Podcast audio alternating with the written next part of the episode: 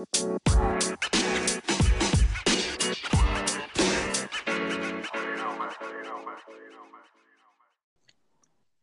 semuanya, balik lagi di dua anak rantau. Ada Koni di sini, terus sebelah situ ada Ada Stanley. iya. Jauh ya, ya. Uh-uh. Dan untuk episode kali ini nih, eh, ini tamunya spesial. Tapi kalian harusnya kalau mendengar episode-episode kemarin udah nggak asing lagi, karena ini adalah episode lanjutan dari episode 4. Masih ngomongin soal digital transformation. Dan bintang tamunya masih sama Bang Gaspar. Uhuh. Halo, halo. Halo Bang, apa kabar Bang? Ya, kabar baik. Eh, masih tetap kerja di hutan. Oh, masih di hutan. Oke. Eh, persediaan es krim gimana Kesannya nih kayak Bang? lumberjack gitu ya. Lumberjack. Yang penting dulu apa? Es krimnya gimana Bang? Masih aman? Ah, aman, aman ya. Aman. Justru dia Ya, ke hutan ngamanin es krim dari gua tau? Iya bener ya. karena hoarder. apa, kerja dari rumah, jadi ya Mhm. sekali-sekali ya kerja dari hutan lah, karena nggak terlalu jauh dari hutan tinggalnya. Biar Mhm. ini aja. Variasi ini lingkungan sekitar. Mhm. Tapi ngomong-ngomong kerja dari hutan berarti internetnya tethering gitu bang? Oh, iya dong. Asik. Nggak ada, nggak ada, nggak ada. Ya, masa ada bikin- wifi. Apa Kirain ini? bikin BTS ngedadak gitu ya? Enggak, gua kira ini Ya. apa namanya? Enggak. Tarik kabel sendiri gitu Bang. Loh, tapi tethering itu sebenarnya kan itu BTS mendadak, itu ad hoc eh, BTS kan sebenarnya untuk extend Iya sih. connectivity. Mhm. Mhm. Iya sih ya. Eh, eh. Jadi ya semakin dan juga karena kalau kita lihat ya ini handphonenya kita sangat-sangat powerful juga ya. Jadi coba kalau dulu dulu kan ya dulu itu jaringannya yang intelligence Mhm. intelijen sedangkan eh, equipment yang di tangan kita kan dumb ya. Contohnya telepon yang dulu kita ya. Jadi semua intelligence sistemnya itu ada di center. Nah, kemudian karena makin murah ini ya untuk processing power, storage dan sebagainya, kemudian di push ke edge sampai ke handphone kita yang sekarang. Jadi Mhm. sebenarnya banyak fungsi-fungsi itu yang dulu ada di eh, pusat, sekarang di push ke edge-nya di di handphone ini contohnya. Jadi Mhm. kita juga sekarang sebenarnya technically ya ini extension dari si BTS itu kalau eh, bisa Oke. dibilang. Ini Bang Gaspar Hmm. nih remote working dalam eh, apa ya? Artian harafiahnya banget ya remote working harus remote gitu. Remote Kecil ini. juga. Mhm. Iya. Ini Bang kemarin kan kita episode yang sebelumnya nih waktu ngobrol sama Bang Gaspar pertama kali kita udah ngomongin eh, masalah digital transformation khususnya masalah infrastruktur ya. Nah, untuk infrastruktur kan kita ngomongin lebih ke koneksinya, lebih gimana pemerataan jaringan, lebih gimana em, gimana ya kayak memfasilitasi eh, orang-orang yang work from home atau yang remote working sekarang. Nah, terus tuh waktu kemarin-kemarin kita sempat ngomong data security. Nah, terkait sama data security itu ada pertanyaan eh pertanyaan lanjutannya nih yang muncul gitu. Cuma kemarin belum sempat kita tanyain. Kalau kita ngomongin data privacy nih, Bang. Mm-mm. Sebenarnya data privacy itu kalau di industrinya Bang Gaspar terus definisinya apa sih? Terus yang sebenarnya kayak gimana sih yang sekarang yang yang kita bilang oke ini adalah menyangkut data privasi gitu. Ya, se- sebenarnya kalau kalau kita lihat ya, kalau data security itu kan lebih ke arah gimana kita memproteksi data itu dari internal dan juga eksternal eh, attacker ya. Nah, itu Mm-mm. kalau data security. Sedangkan kalau eh, di realmnya data privacy itu lebih ke arah eh, gimana kita menggovern, kita me- memanage ya, data itu seperti gimana kita collect eh, koleksi bahasa Inggrisnya apa ya? Collect, collected. mengumpulkan oh sorry mengumpulkan kemudian membagikan dan juga menggunakan data itu nah ini eh, realmnya data privacy jadi memang agak sedikit berbeda antara data security dan data privacy ininya Mhm, Oke. Hmm. Jadi kayak siapa yang mempunyai data-data kita ini gitu ya? Iya, Lebih. jadi gimana si data itu di, di, dikumpulin, kemudian gimana data itu dibagiin, dan kemudian eh, gimana data itu dipergunakan. Nah, contohnya misalnya gini ya, ini kita biasanya pakai Facebook kan, Mhm. uh, banyak concern soal gimana si data privacy dari uh, Facebook ini. Nah, itu kan berkaitan dengan gimana si Facebook ini mengumpulkan data tentang kita, kemudian bagaimana dia menggunakannya, dia share dengan misalnya dengan itu Cambridge Analytica itu yang terjadi di Amerika misalnya. Mhm. Nah, hal-hal yang seperti itu yang digovern dari sisi data privacy. Sedangkan kalau eh, eh, data security lebih ke arah untuk memproteksi eh, eh, dari attacker gitu ya. Sedangkan kalau privacy data privacy lebih dari penggunaan data itu sendiri. Eh, jadi memang ada Mhm. overlapnya karena data privacy itu bagian dari data security juga, tetapi agak sedikit berbeda domainnya. Kita biasanya treat sebagai dua hal yang dua area yang eh, berbeda. Mhm. Mm-mm. Oke. Pasti. Mhm. Oke. Hmm, kalau gitu biasanya tuh yang apa ya? Kalau kayak tadi kan Bang Gaspar udah bilang tentang Facebook.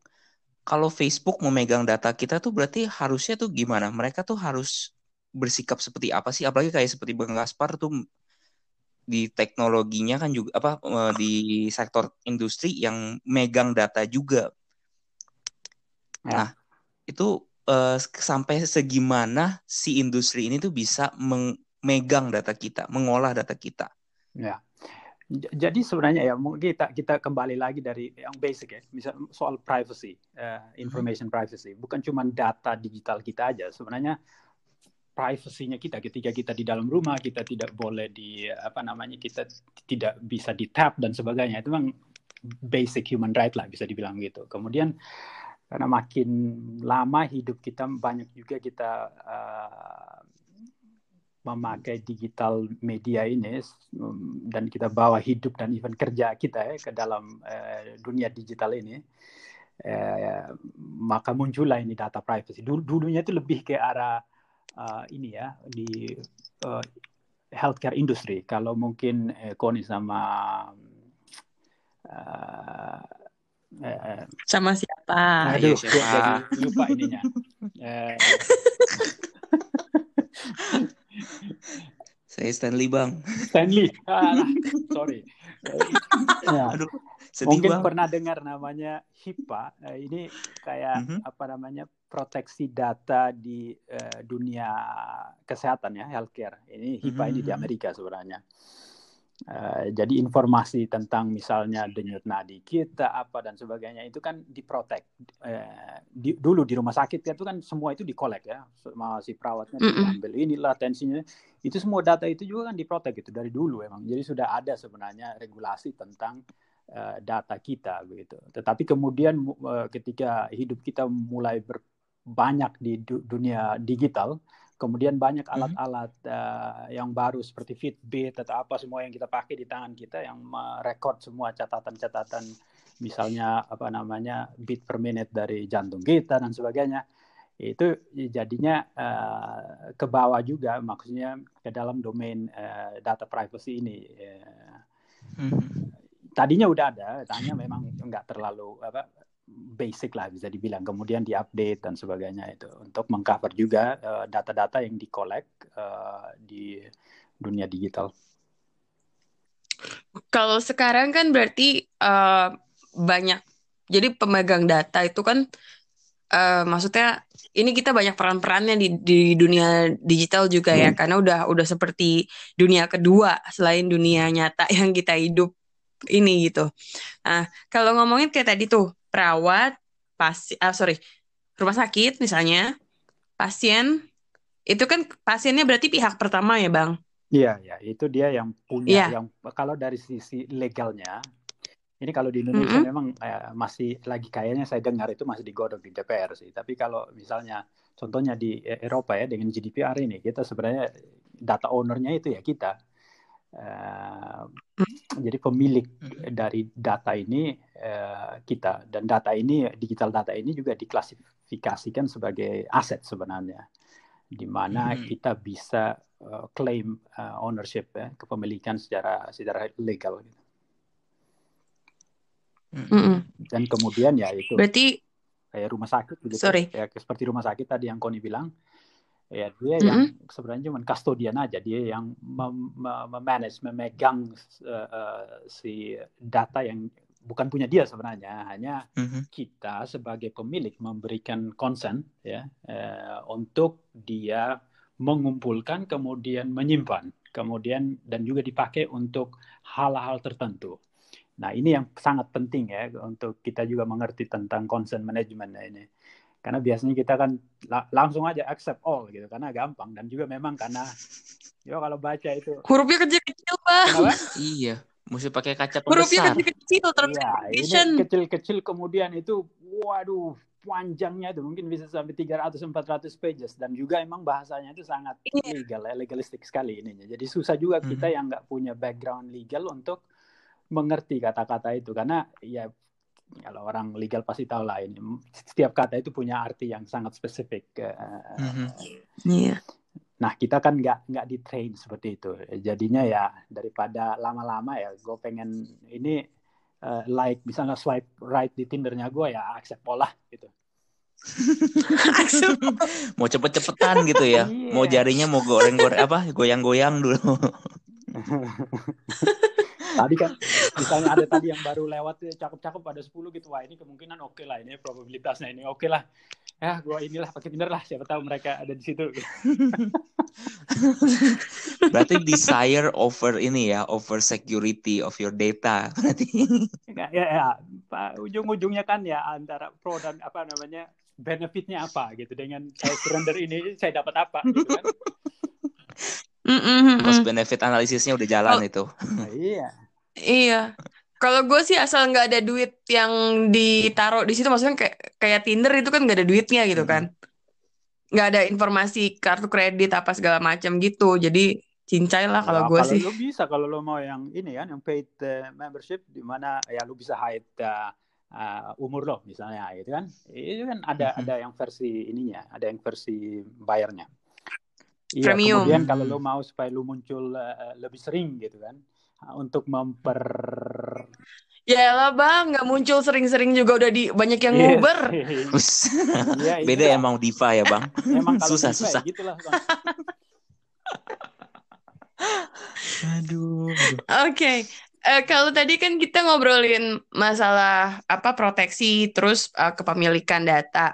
Nah, ada nih satu istilah lagi yang kayaknya harus harus kita belajar lagi ya soal definisinya dan soal lingkupnya. Data encryption, Bang. Hmm, ya. ya data enkripsi itu ya ya teknik aja kita apply kayak mathematical function supaya data kita itu enggak eh, apa namanya enggak transparan. Jadi saya saya bisa dibilang saya sebenarnya inject noise di data itu supaya kabur gitu. Eh, jadi orang Hmm. nggak bisa lihat misalnya eh, umur saya 79 misalnya gitu ya.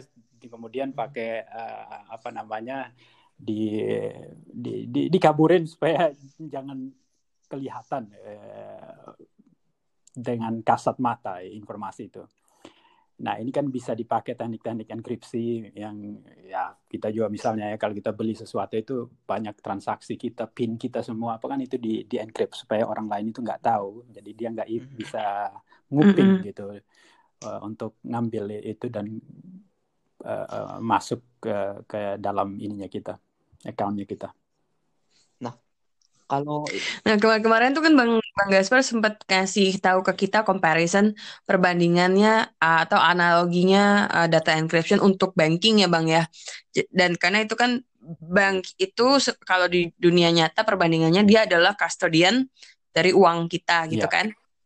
Terus dengan sekarang mobile banking di mana-mana ya berarti juga mereka pada satu saat jadi custodian data kita atau mereka jadi prosesor apa kon Ya, statusnya jadi gimana Jadi kalau bang? kita pakai terminologi di GDPR ya, General Data Protection Regulation di Eropa sini ya, itu ada awalnya itu ada tiga gitu ya, yang eh, data subject ini si ownernya ini, jadi kita misalnya sebagai pemilik data ini, kemudian ada yang namanya data processor, kemudian ada yang dia bilang data controller. Jadi contohnya misalnya eh, perusahaan eh, saya tempat saya kerja, misalnya Ericsson, kami eh, offer outsourcing service ya ke customernya kami, di mana kami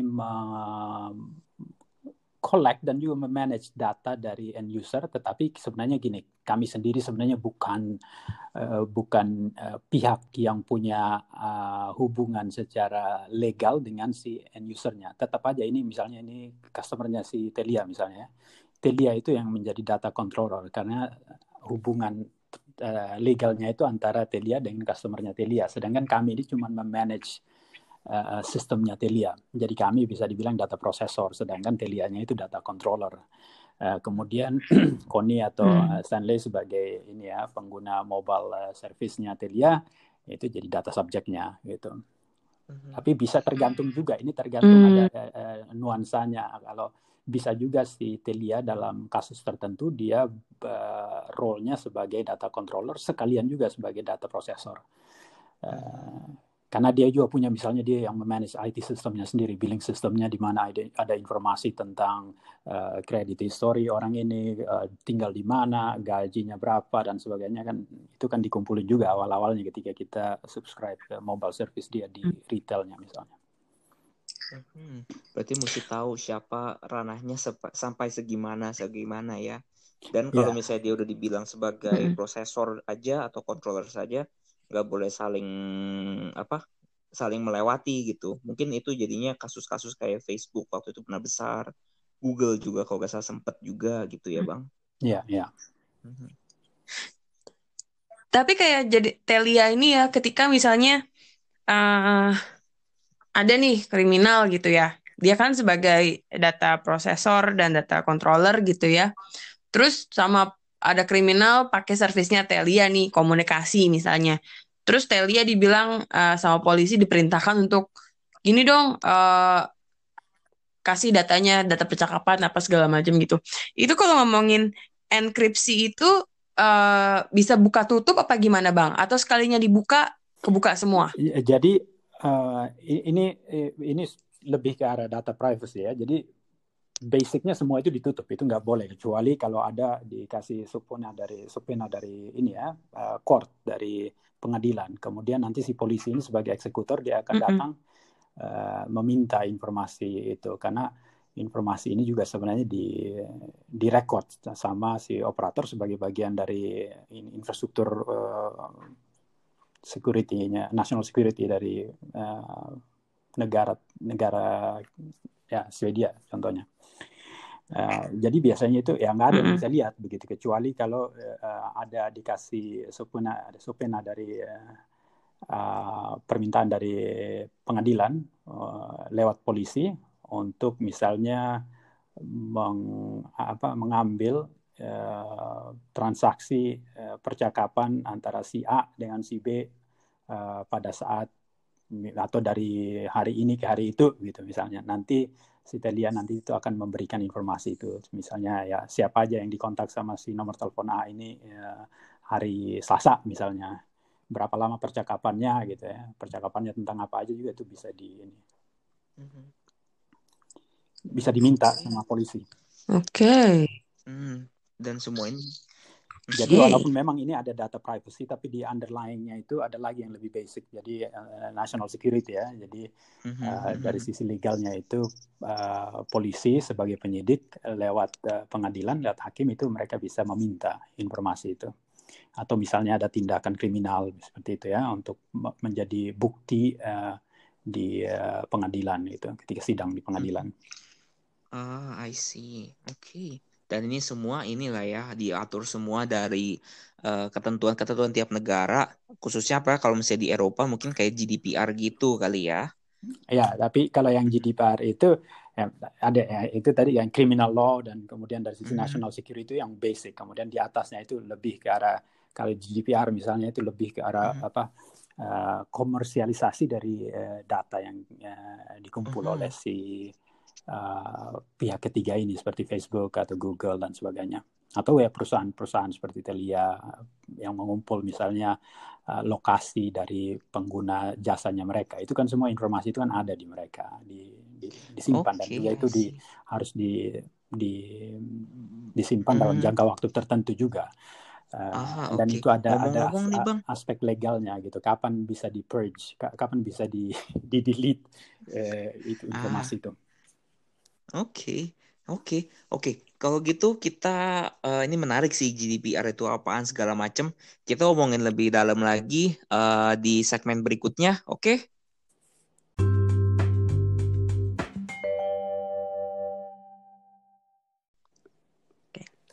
Oke, balik lagi di dua anak rantau. Aduh, Harusnya kita aduh. kayaknya dua anak rantau Rantau. gembul atau dua anak gembul rantau. Udah jangan itu kepanjangan, susah ininya. Apa? eh di Spotify-nya susah nanti. iya ya, susah dicari. Oke, makanya. masih sama Bang Gaspar yang nggak gembul. Bang Gaspar sih jauh dari gembul ya. Gimana mau gembul? Nggak, dia orangnya tuh nggak bisa lihat tembok nganggur dikit ya. Dipanjat. Kayaknya dari kita bertiga yang paling sehat ya Bang Gaspar aja ini ya. Iya. Ya, tapi kalau kalau jalan tuh nggak sabar gitu, lari terus. Nggak ada yang ngejar aja dia lari. Gimana dikejar? kan tujuan saya Aduh. itu sebenarnya gini, biar supaya kalau larinya itu lebih kencang dari polisi. Jadi ketika dikejar ya gue. Oh gitu, ada motivasinya ternyata. Iya, ada motivasinya. Kalau nggak kan ya malas-malesan juga. Ntar or- orang kan gini kalau ditanya, hobinya apa lari? Terus ditanyakan 10K, eh, 21K, marathon gitu. Terus tiba-tiba ngomong, enggak gue hobinya lari sambil bawa TV orang. Paling dong ya. Aduh, Oke, balik lagi ke obrolan kita nih yang tadi kan kita sempat ngobrolin GDPR, sempat bahas-bahas dikit GDPR di segmen sebelumnya. Bang, kalau kita ngomongin GDPR tuh eh, sebenarnya kalau dari singkatan, definisi, terus kan ini karena lingkupnya di European Union ya, dan kebetulan kan karena kita tinggalnya di Swedia yang adalah bagian dari Uni Eropa, jadi kan kita harus nurutin GDPR nih Mm-mm. eh, untuk protokol ini. Gimana sih Bang? Maksudnya jelasin, eh, tolong jelasin ke kita-kita nih eh, penerapan GDPR gitu di kehidupan sehari-hari. Dan terus kan karena itu ada urusannya sama data privacy ya, eh, kaitannya implementasinya atau bukan implementasi sih, implikasinya sama COVID-19 nih sekarang. Karena kan kita harus contact tracing ya kalau di negara lain. Ya, ya. Ya, jadi mungkin kita eh, langsung aja ke ini ya di use case seperti contact tracing ini karena eh, biar lebih gamblang ini penjelasan dalam konteks GDPR ini. Karena sebenarnya Mm-mm. Ya contact tracing itu adalah kita trace eh, eh, kontak antara eh, individu di dalam eh, society di di Eropa ini contohnya. Eh, dan itu ada ada batas-batasannya di mana kita bisa um, disclose atau mem- mempergunakan informasi-informasi itu yang bisa nantinya uh, dipakai untuk dianalisa lebih lanjut dan bisa saya tahu bahwa oh ternyata si itu si Koni itu bukan orang lain. Nah, nah itu yang di, diproteksi oleh GDPR. Jadi di situ di mana Hmm. data ini memang harus di obscure ya uh, supaya tidak timbul uh, kemungkinan untuk uh, orang ini orang pihak ketiga menganalisa bahwa oh itu si Koni itu uh, ternyata gitu loh. Eh, hanya emang Koni aja yang tahu misalnya begini ya eh, si Stanley Dan Tuhan ya Bang. ya Cuma aku sama Tuhan yang tahu. iya ma- mana te- tekniknya seperti itu dari sisi teknologinya. Jadi ada beberapa teknik eh, yang kita lakuin ya. Untuk ya misalnya itu differential privacy di mana datanya Koni itu kita inject dengan noise ya artificial noise. Jadi eh, kita nggak ketika si Stanley misalnya dia lihat data itu ya bagi dia sih nggak meaningless sebenarnya. Dan dia nggak bisa trace back ke kalau ini Koni Du- dulu ini ada kasus di eh, Netflix ya. Mereka dulu rilis eh, datanya mereka di publik. Eh, jadi usernya mereka sekitar 500 ribuan orang itu di di di anon, an- anonymize ya. Jadi cuman user number one tuh sampai 500 ribu. Kemudian di situ ada apa namanya film-film yang mereka rating begitu ya harusnya kan Mm-mm. itu kita nggak bisa tahu ternyata itu setelah di, digabung dengan eh, eh, join dengan data dari IMDb ya itu Mhm. bisa kita tahu bahwa oh ini si user number 7 ini ini si si Stanley ini sebenarnya. oh. Nah, ini yang kita uh, protect di mana uh, tidak ada kemungkinan untuk pihak ketiga untuk bisa meng, uh, bisa trace uh, si data itu ke si orang ini. Jadi kita uh, pisahin antara uh, uh, si data ini dengan si orangnya. Hmm.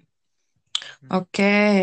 wah. Wow. Kayak uh, berarti tuh kalau ngomongin GDPR itu kan maksudnya kayak ke COVID-19 itu alasan kenapa juga ya kita nggak nggak bisa kayak uh, kalau di mana ya di Singapura ya yang handphonenya nggak boleh dimatiin terus ditelepon sewaktu-waktu GPS-nya nggak boleh dimatiin Iya, ya. ini kalau dia memang te teknologi dia tekniknya dia pakai Bluetooth sebenarnya. Jadi eh, lo harus hidupin Bluetoothnya kan. Jadi begitu lo ada dalam eh, lingkupnya distance-nya si Bluetooth ini, eh, artinya mm -hmm. begini terjadi telah terjadi kontak. Nah kalau orang itu eh, misalnya ini ada dua nomor ya, nomor A, nomor B. Nomor B-nya ini orang yang positif kemudian terkena eh, COVID ya setelah dites positif.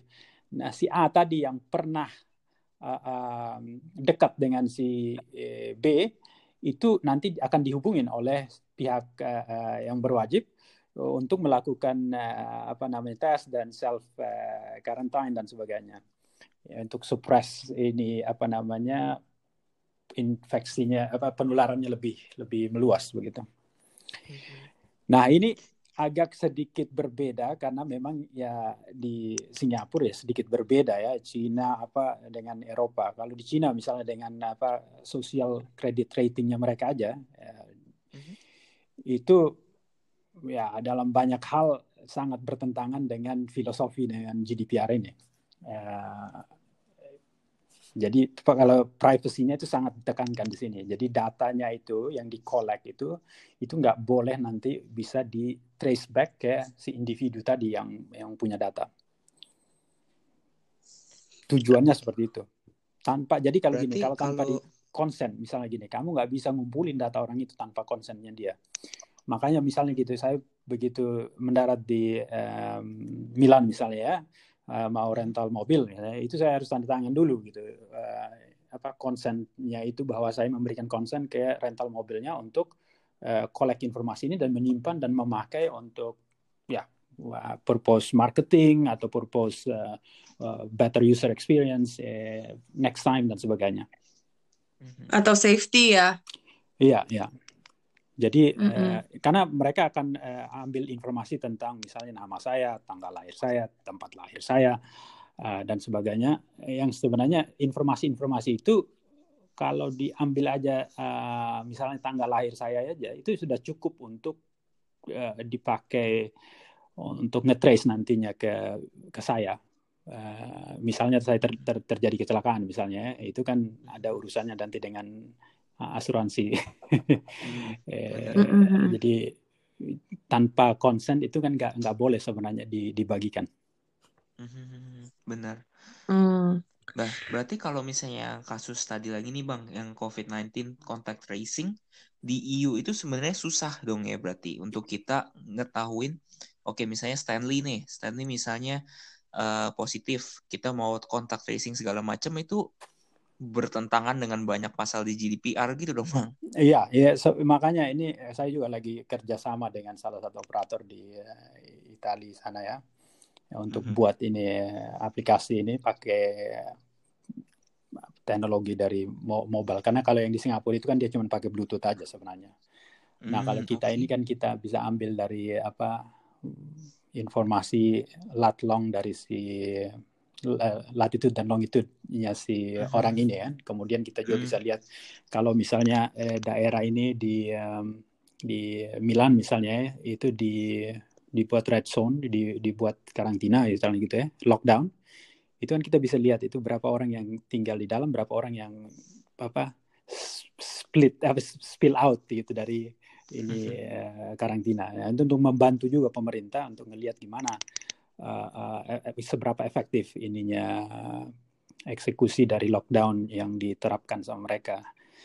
Uh, nah, oh, itu berarti ini apa ada rencana untuk kayak cluster quarantine gitu bang di Stockholm? Asik, oh ya, bocoran. Ya, kalau di Italia, kalau di Stockholm ya saya sih nggak yakin karena nggak ada nggak ada legal frameworknya untuk uh, lockdown. Geographical lockdown itu nggak bisa dilakuin kecuali kalau misalnya dalam uh, saat perang ya. Kalau saat yang emergency civil seperti ini ya mereka nggak punya payung hukumnya untuk melakukan itu. Makanya juga ya pemerintah sini juga nggak bisa ngapa-ngapain. Mereka udah minta juga kan. Oh, berarti martial law yang kemarin percuma juga dong? Oh, enggak, sebenarnya nggak ada martial law. Ah, nggak, nggak ada martial law di sini di Swedia. Nggak, nggak ada. ada. Ya, cuman kan dia cuman Waduh. ini aja kan, cuman diminta ayo di advice aja untuk tinggal di dalam rumah apa kalau punya simptom. Kayaknya harus harus diajarin martial art kalau gitu bang, senggol bacok.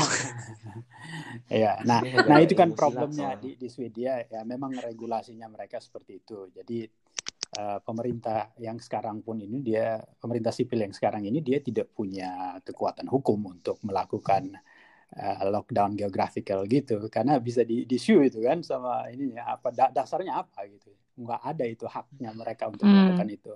Nah, hak itu cuma bisa kalau dengan kondisi sekarang cuman kalau dalam keadaan perang gitu ya baru mereka bisa melakukan uh, hal-hal yang sedrastis itu atau yang mereka lakukan sekarang itu pemerintah itu dua minggu lalu mereka kan pergi ke Riksdag ke DPR-nya untuk meminta uh, punya uh, kekuasaan sementara yang khusus seperti yaitu tadi untuk melakukan hal-hal yang seperti ini. Tapi itu pun masih belum, saya nggak nggak tahu, kayaknya masih belum di approve ininya. Oke. Okay. Itu kan di tadi kan kita ngomongin Swedia nih soal Riksdag uh, itu parlemennya Swedia uh, dan GDPR uh, eh, secara general pe penerapannya di Eropa gitu ya. Nah kalau kita nyebrang ke benua lain nih bang ke Amerika nih, hmm. kan kita tahu ada namanya NSA. Ya. Kan ribut tuh NSA kan dari mulai Snowden lah, dari mulai Assange lah, macam-macam ya, ya. nih udah ributnya udah udah beberapa tahun kemarin kan. Hmm. Sebenarnya kalau NSA tuh uh, kan kita tahu kayak ya jauh banget sama jadi PR sih ya itu udah, udah kayak utara sama selatan hmm, gitu iya. kan. Tapi pasti ada prosnya dan ada consnya dong. Kita mau weighing nih bang, misalnya menimbang pros and consnya NSA. Ya, ya, dan juga ya, begini, eh, melihatnya seperti gini, NSA itu payung hukumnya memang dari sisi ini ya, national security ya. Jadi memang eh, dia memang secara hukum dia di punya punya hak gitu si NSA ini untuk mengumpulkan informasi itu dalam batas-batas tertentu tentunya. Eh, di di payung hukumnya dia di Amerika. Tapi kemudian kalau kita mau bandingkan yang GDPR di Amerika itu ada namanya IPDR ya. Uh, Internet apa data protection data privacy regulation ya. Sama juga itu di, di di Kanada juga punya itu namanya IPDR juga namanya. Kemudian yang yang cukup stringent itu sebenarnya ada di Switzerland gitu ya. Walaupun mereka dikelilingi sama EU tapi mereka punya uh, data protection uh, yang cukup stringent karena mereka ini datang dari ini ya financial sector di mana untuk proteksi oh, iya. si nasabah itu ya. Uh, jadi dia memang kalau saya punya dulu project di di Switzerland jadi tahu ininya uh, regulasinya di sana. Nah, kalau kembali ke Iya, karena nasabah yang di Switzerland tuh orang kaya raya raya raya raya raya. Iya. Jadi, Jadi memang ke mana-mana bawa koper isinya duit gitu ya. Iya. Jadi dulu waktu kita analisa begitu ya, ini dampaknya kayak gimana ini GDPR ke Switzerland? Karena sebenarnya begini ya, ada beberapa perusahaan misalnya uh, yang ada di perbatasan di, di antara Switzerland dengan Jerman misalnya itu banyak gitu eh, banyak misalnya bank bank-bank yang Switzerland yang ada di seberang sana kemudian juga bank uh, Jerman yang ada di Switzerland juga nah ini kan uh, ada aspek uh, antar negaranya ya jadi uh, kalau di GDPR, contohnya misalnya gini ya, data controllernya si bank ini bisa aja ada di Jerman, tetapi kantornya itu, kantor operasinya misalnya ada di Switzerland. Artinya si Switzerland ini harus ngikutin uh, GDPR karena dia adalah data eh, prosesornya begitu. Sedangkan data controllernya ada di Jerman. Jadi walaupun GDPR ini cuma apa, apa payung hukumnya ada di uh, Eropa, tetapi misalnya itu juga berkaitan misalnya kita outsource uh, uh, banking operationnya uh, untuk memanage data-datanya itu ke India. Artinya begini, entity yang di India itu, artinya begini, dia akan terseret juga akan masuk ke dalam uh, payung hukumnya si GDPR. Jadi kalau mereka kena penalti ya dia kenal juga, kena juga gitu, walaupun dia di India. Kena juga, walaupun dia.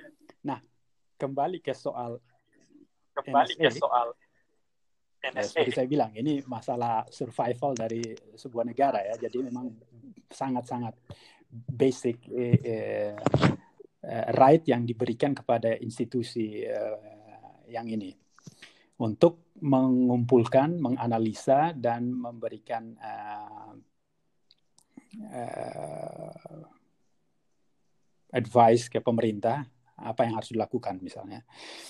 Dan itu mereka punya jangkauan yang cukup dalam dan lebar ya. Jadi mereka tahu banyak hal sebenarnya. Hmm. Kalau um, kan kita tahu nih ada Interpol gitu ya, apalagi dengan ada uh, op, maksudnya sekarang perusahaan udah udah operasionalnya udah global ya bang ya, misalnya kayak tadi yang diceritain sama bang Gasbar tuh, banknya bank Jerman cuma punya operasional di Swiss, terus punya apa sih kontraktor uh, eh, IT di India yeah. gitu ya. Nanti kalau um, misalnya kalau sekarang kan yang kejahatan yang diburu sama Interpol kan kalau nggak drug cartel gitu kan kayak money iya, laundering yeah. gitu kan.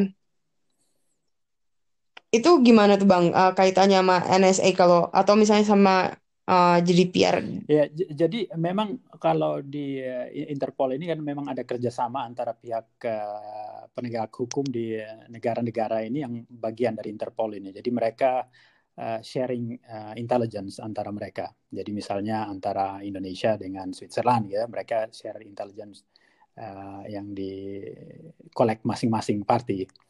Ini menjadi salah satu syarat gitu kalau mau jadi anggota Interpol.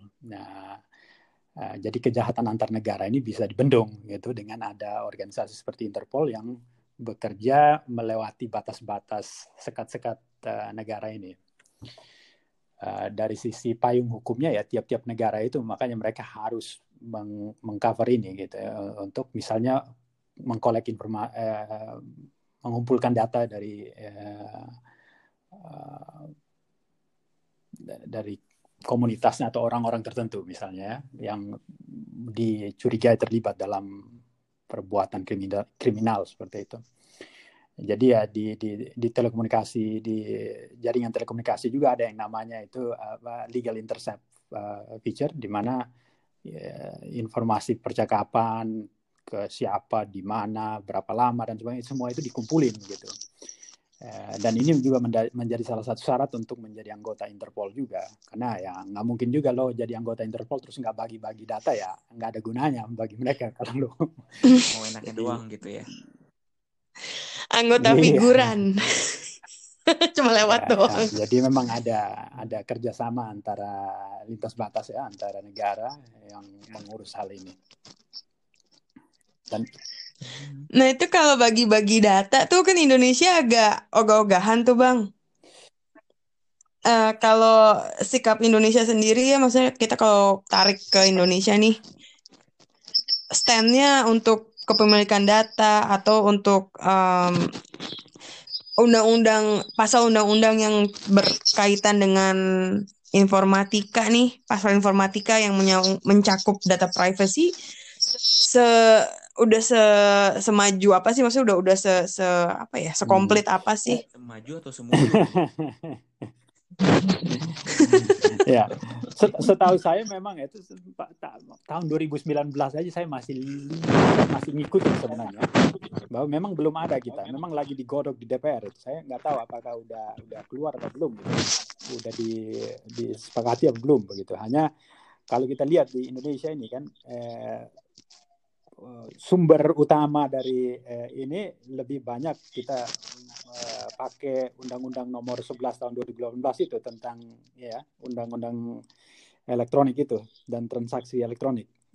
Eh, itu yang biasa dipakai hmm. kan yang kemarin itu yang pas uh, pemilihan presiden dan sebagainya itu kan banyak itu yang di, di, di dikejar pakai undang-undang itu sama pihak kepolisian. Eh, jadi tapi memang ada undang-undang setingkat uh, menteri ya, yaitu uh, yang undang-undang nomor 20 itu nomor 20 tahun 2016 itu yang dipakai untuk menjerat itu misalnya menyebarkan hoax dan sebagainya itu dipakai itu. Tetapi di undang-undang di level paling atasnya itu memang eh, ya itu yang lagi digodok di DPR. Eh, kemudian juga kalau di sektor telekomunikasi misalnya ya, itu ada juga undang-undang telekomunikasi dulu kami eh, tahun 99 itu udah ada itu. Jadi um, soal tapping information uh, itu juga diatur sama undang-undang uh, nomor 36 itu. Eh, di, tapi ini untuk di sektor telekomunikasi. Kemudian misalnya uh, di banking dan capital market juga itu ada data privasinya gitu ya uh, uh-huh. yang un- dipakai untuk mengcover uh, di industri perbankan dan uh, capital market. Jadi memang ada di di bawahnya ada hmm. walaupun payung yang paling gedenya di atas itu ya itu tadi lagi lagi digodok di di, di DPR. Hmm, Oke, okay. iya karena kalau misalnya kita di Indo kan, kayaknya tuh kayak orang tua saya lah tiap hari ada aja yang nelfon iya halo bapak halo ibu ini ada promo gini gini gini gini gitu padahal kita kagak pernah ngasih nomornya nggak pernah apa. Jadi kayak anggapannya data-data kita nomor-nomor kita tuh sebar dengan luas dan bebas gitu guys iya iya iya. Jadi misalnya yang ada SMS apa namanya itu yang yang kirim SMS promo apa gitu kan. SMS blast yang itu gak, ya. kita kan nggak sebenarnya walaupun sebenarnya begini ya ketika kita apa namanya pakai jasanya Telkomsel atau Excelcom atau Indosat gitu ya itu kan memang itu kita memberikan konsen sebenarnya untuk dipakai demi kepentingan marketing. Eh, karena biasanya orang udah lupa ya misalnya dia udah jadi apa namanya member dari Indosat sudah 10 tahun gitu ya. Itu kan konsennya juga udah, lama ya cuman dia cuma accept accept aja gitu. Nah mungkin sekarang ya itu hmm. kita harus lebih perhatiin lagi gitu atau bisa lagi kita, benar, bisa kita revoke juga sebenarnya. Saya saya kurang tahu ini prakteknya di di um, di Indonesia. Tapi kalau di Eropa saya bisa telepon si operator itu untuk tanya itu konsen saya saya konsen uh, kamu untuk apa aja. Kemudian saya bisa batasi. Misalnya saya nggak mau uh, informasi saya dipakai untuk uh, promosi Starbucks karena saya nggak suka Starbucks. Eh, kayak gitu itu bisa dilakuin hmm. eh, kalau di sini. Hmm. Eh, ya, jadi ya, kita ya. Eh, dan juga itu mereka harus ketika kita kontak eh, mereka itu mereka diharuskan untuk eh,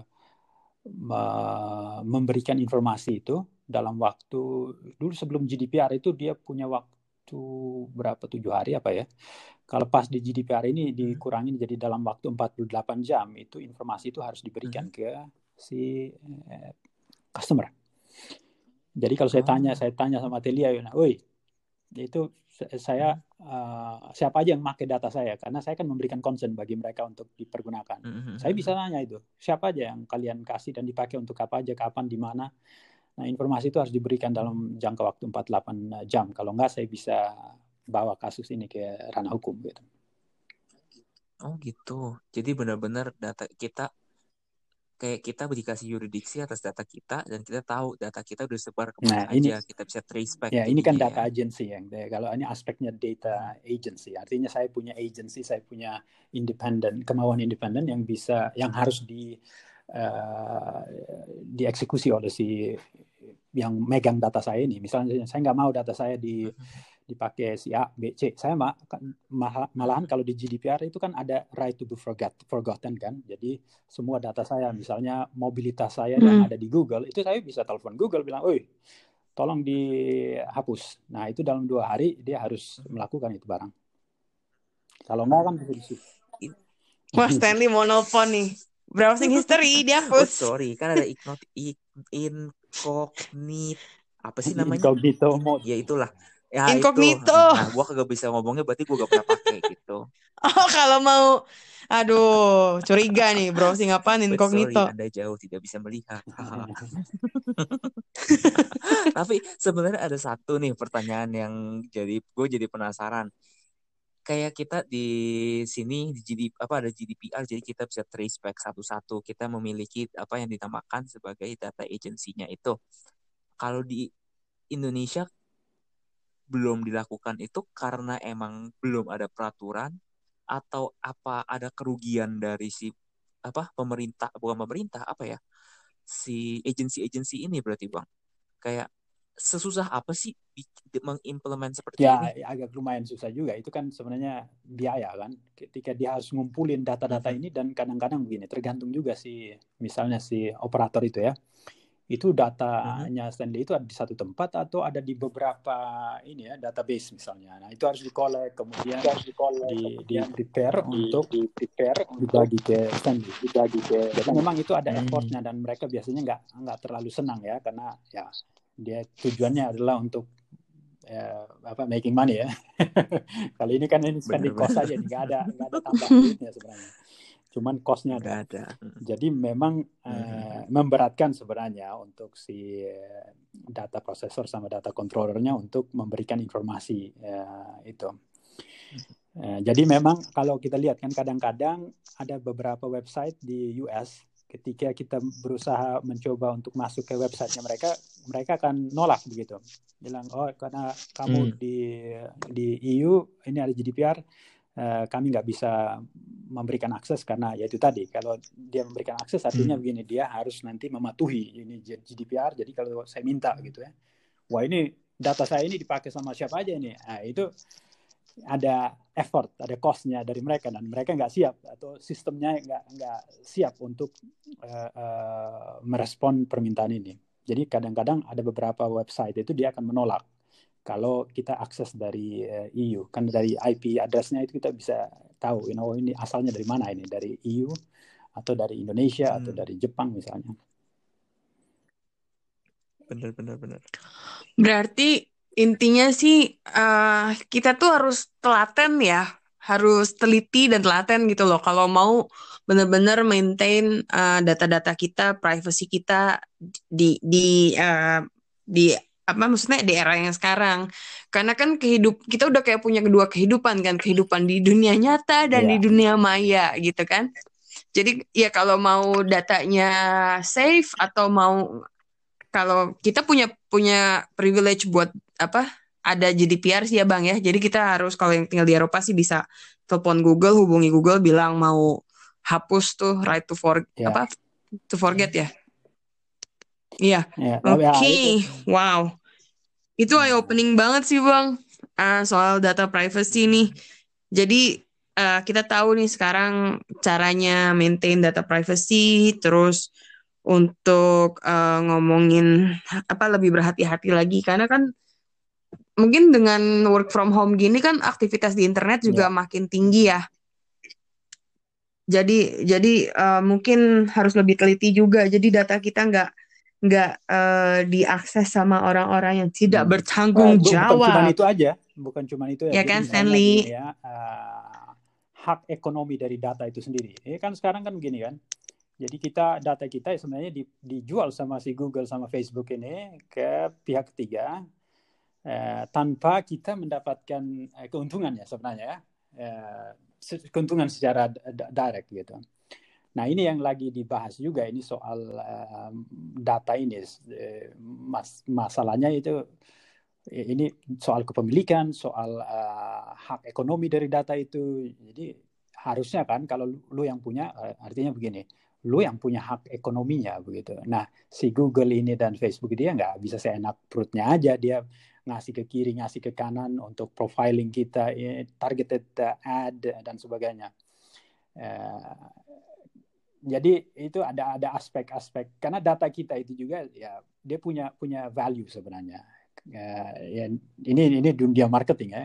Informasi yang kita intensi kita mem, membeli yeah. sesuatu uh, dan sebagainya itu sangat sangat berharga bagi mereka sehingga mereka bisa targeted uh, advertising mereka lebih efektif lagi kan. Dibanding kalau dulu kan ya ditaruh aja di TV ya syukur-syukur mempengaruhi lu untuk beli sepatu apa dan sebagainya. Ya itu syukur-syukur. Tapi kalau sekarang kan dia udah lebih well targeted uh, hmm.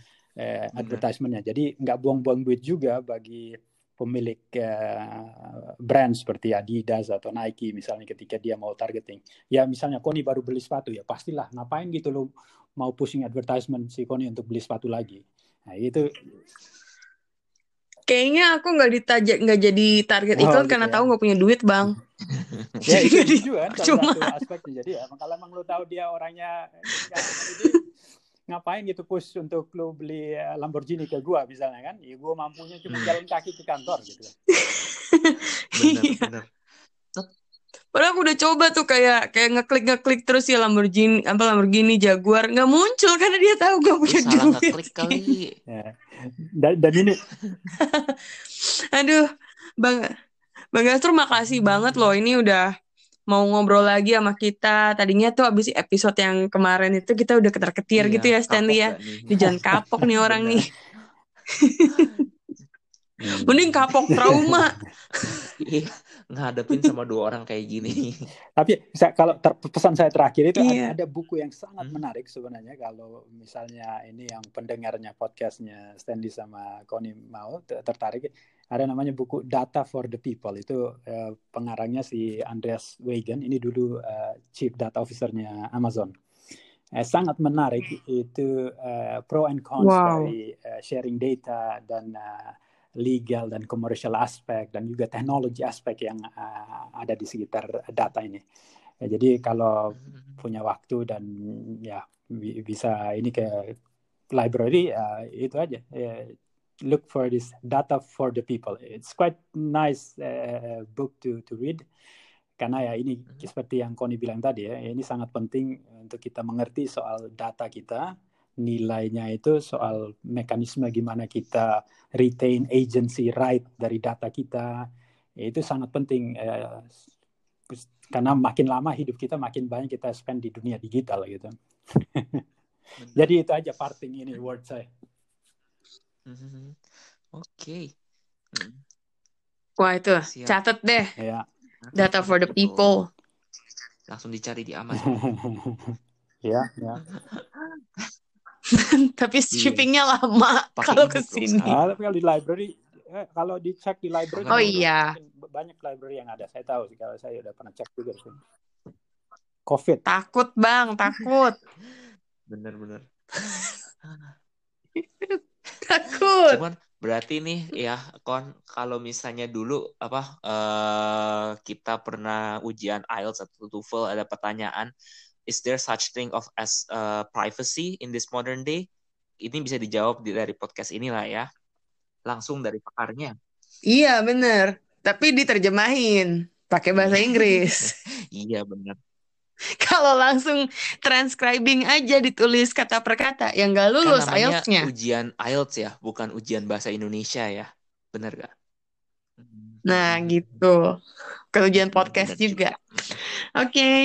Aduh, Sekali lagi nih Bang Gasur makasih banget udah ngeluangin waktu terus udah udah mengedukasi kita, udah bagi-bagi uh, knowledge bagi uh, soal data privacy. Jadinya kita ke depan harusnya bisa lebih hati-hati, bisa lebih waspada. Jadi data yang kita punya itu yang udah kesebar, maksudnya udah ada di internet itu nggak disalahgunakan sama orang-orang yang tidak bertanggung jawab. Oke, okay.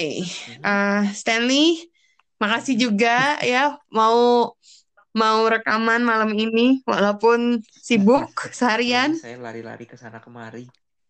Jadi maraton dong ya. In your mind ya maksudnya. I'm running around in my head iya. gitu. Entar ke dapur, entar ke kamar lagi. Iya.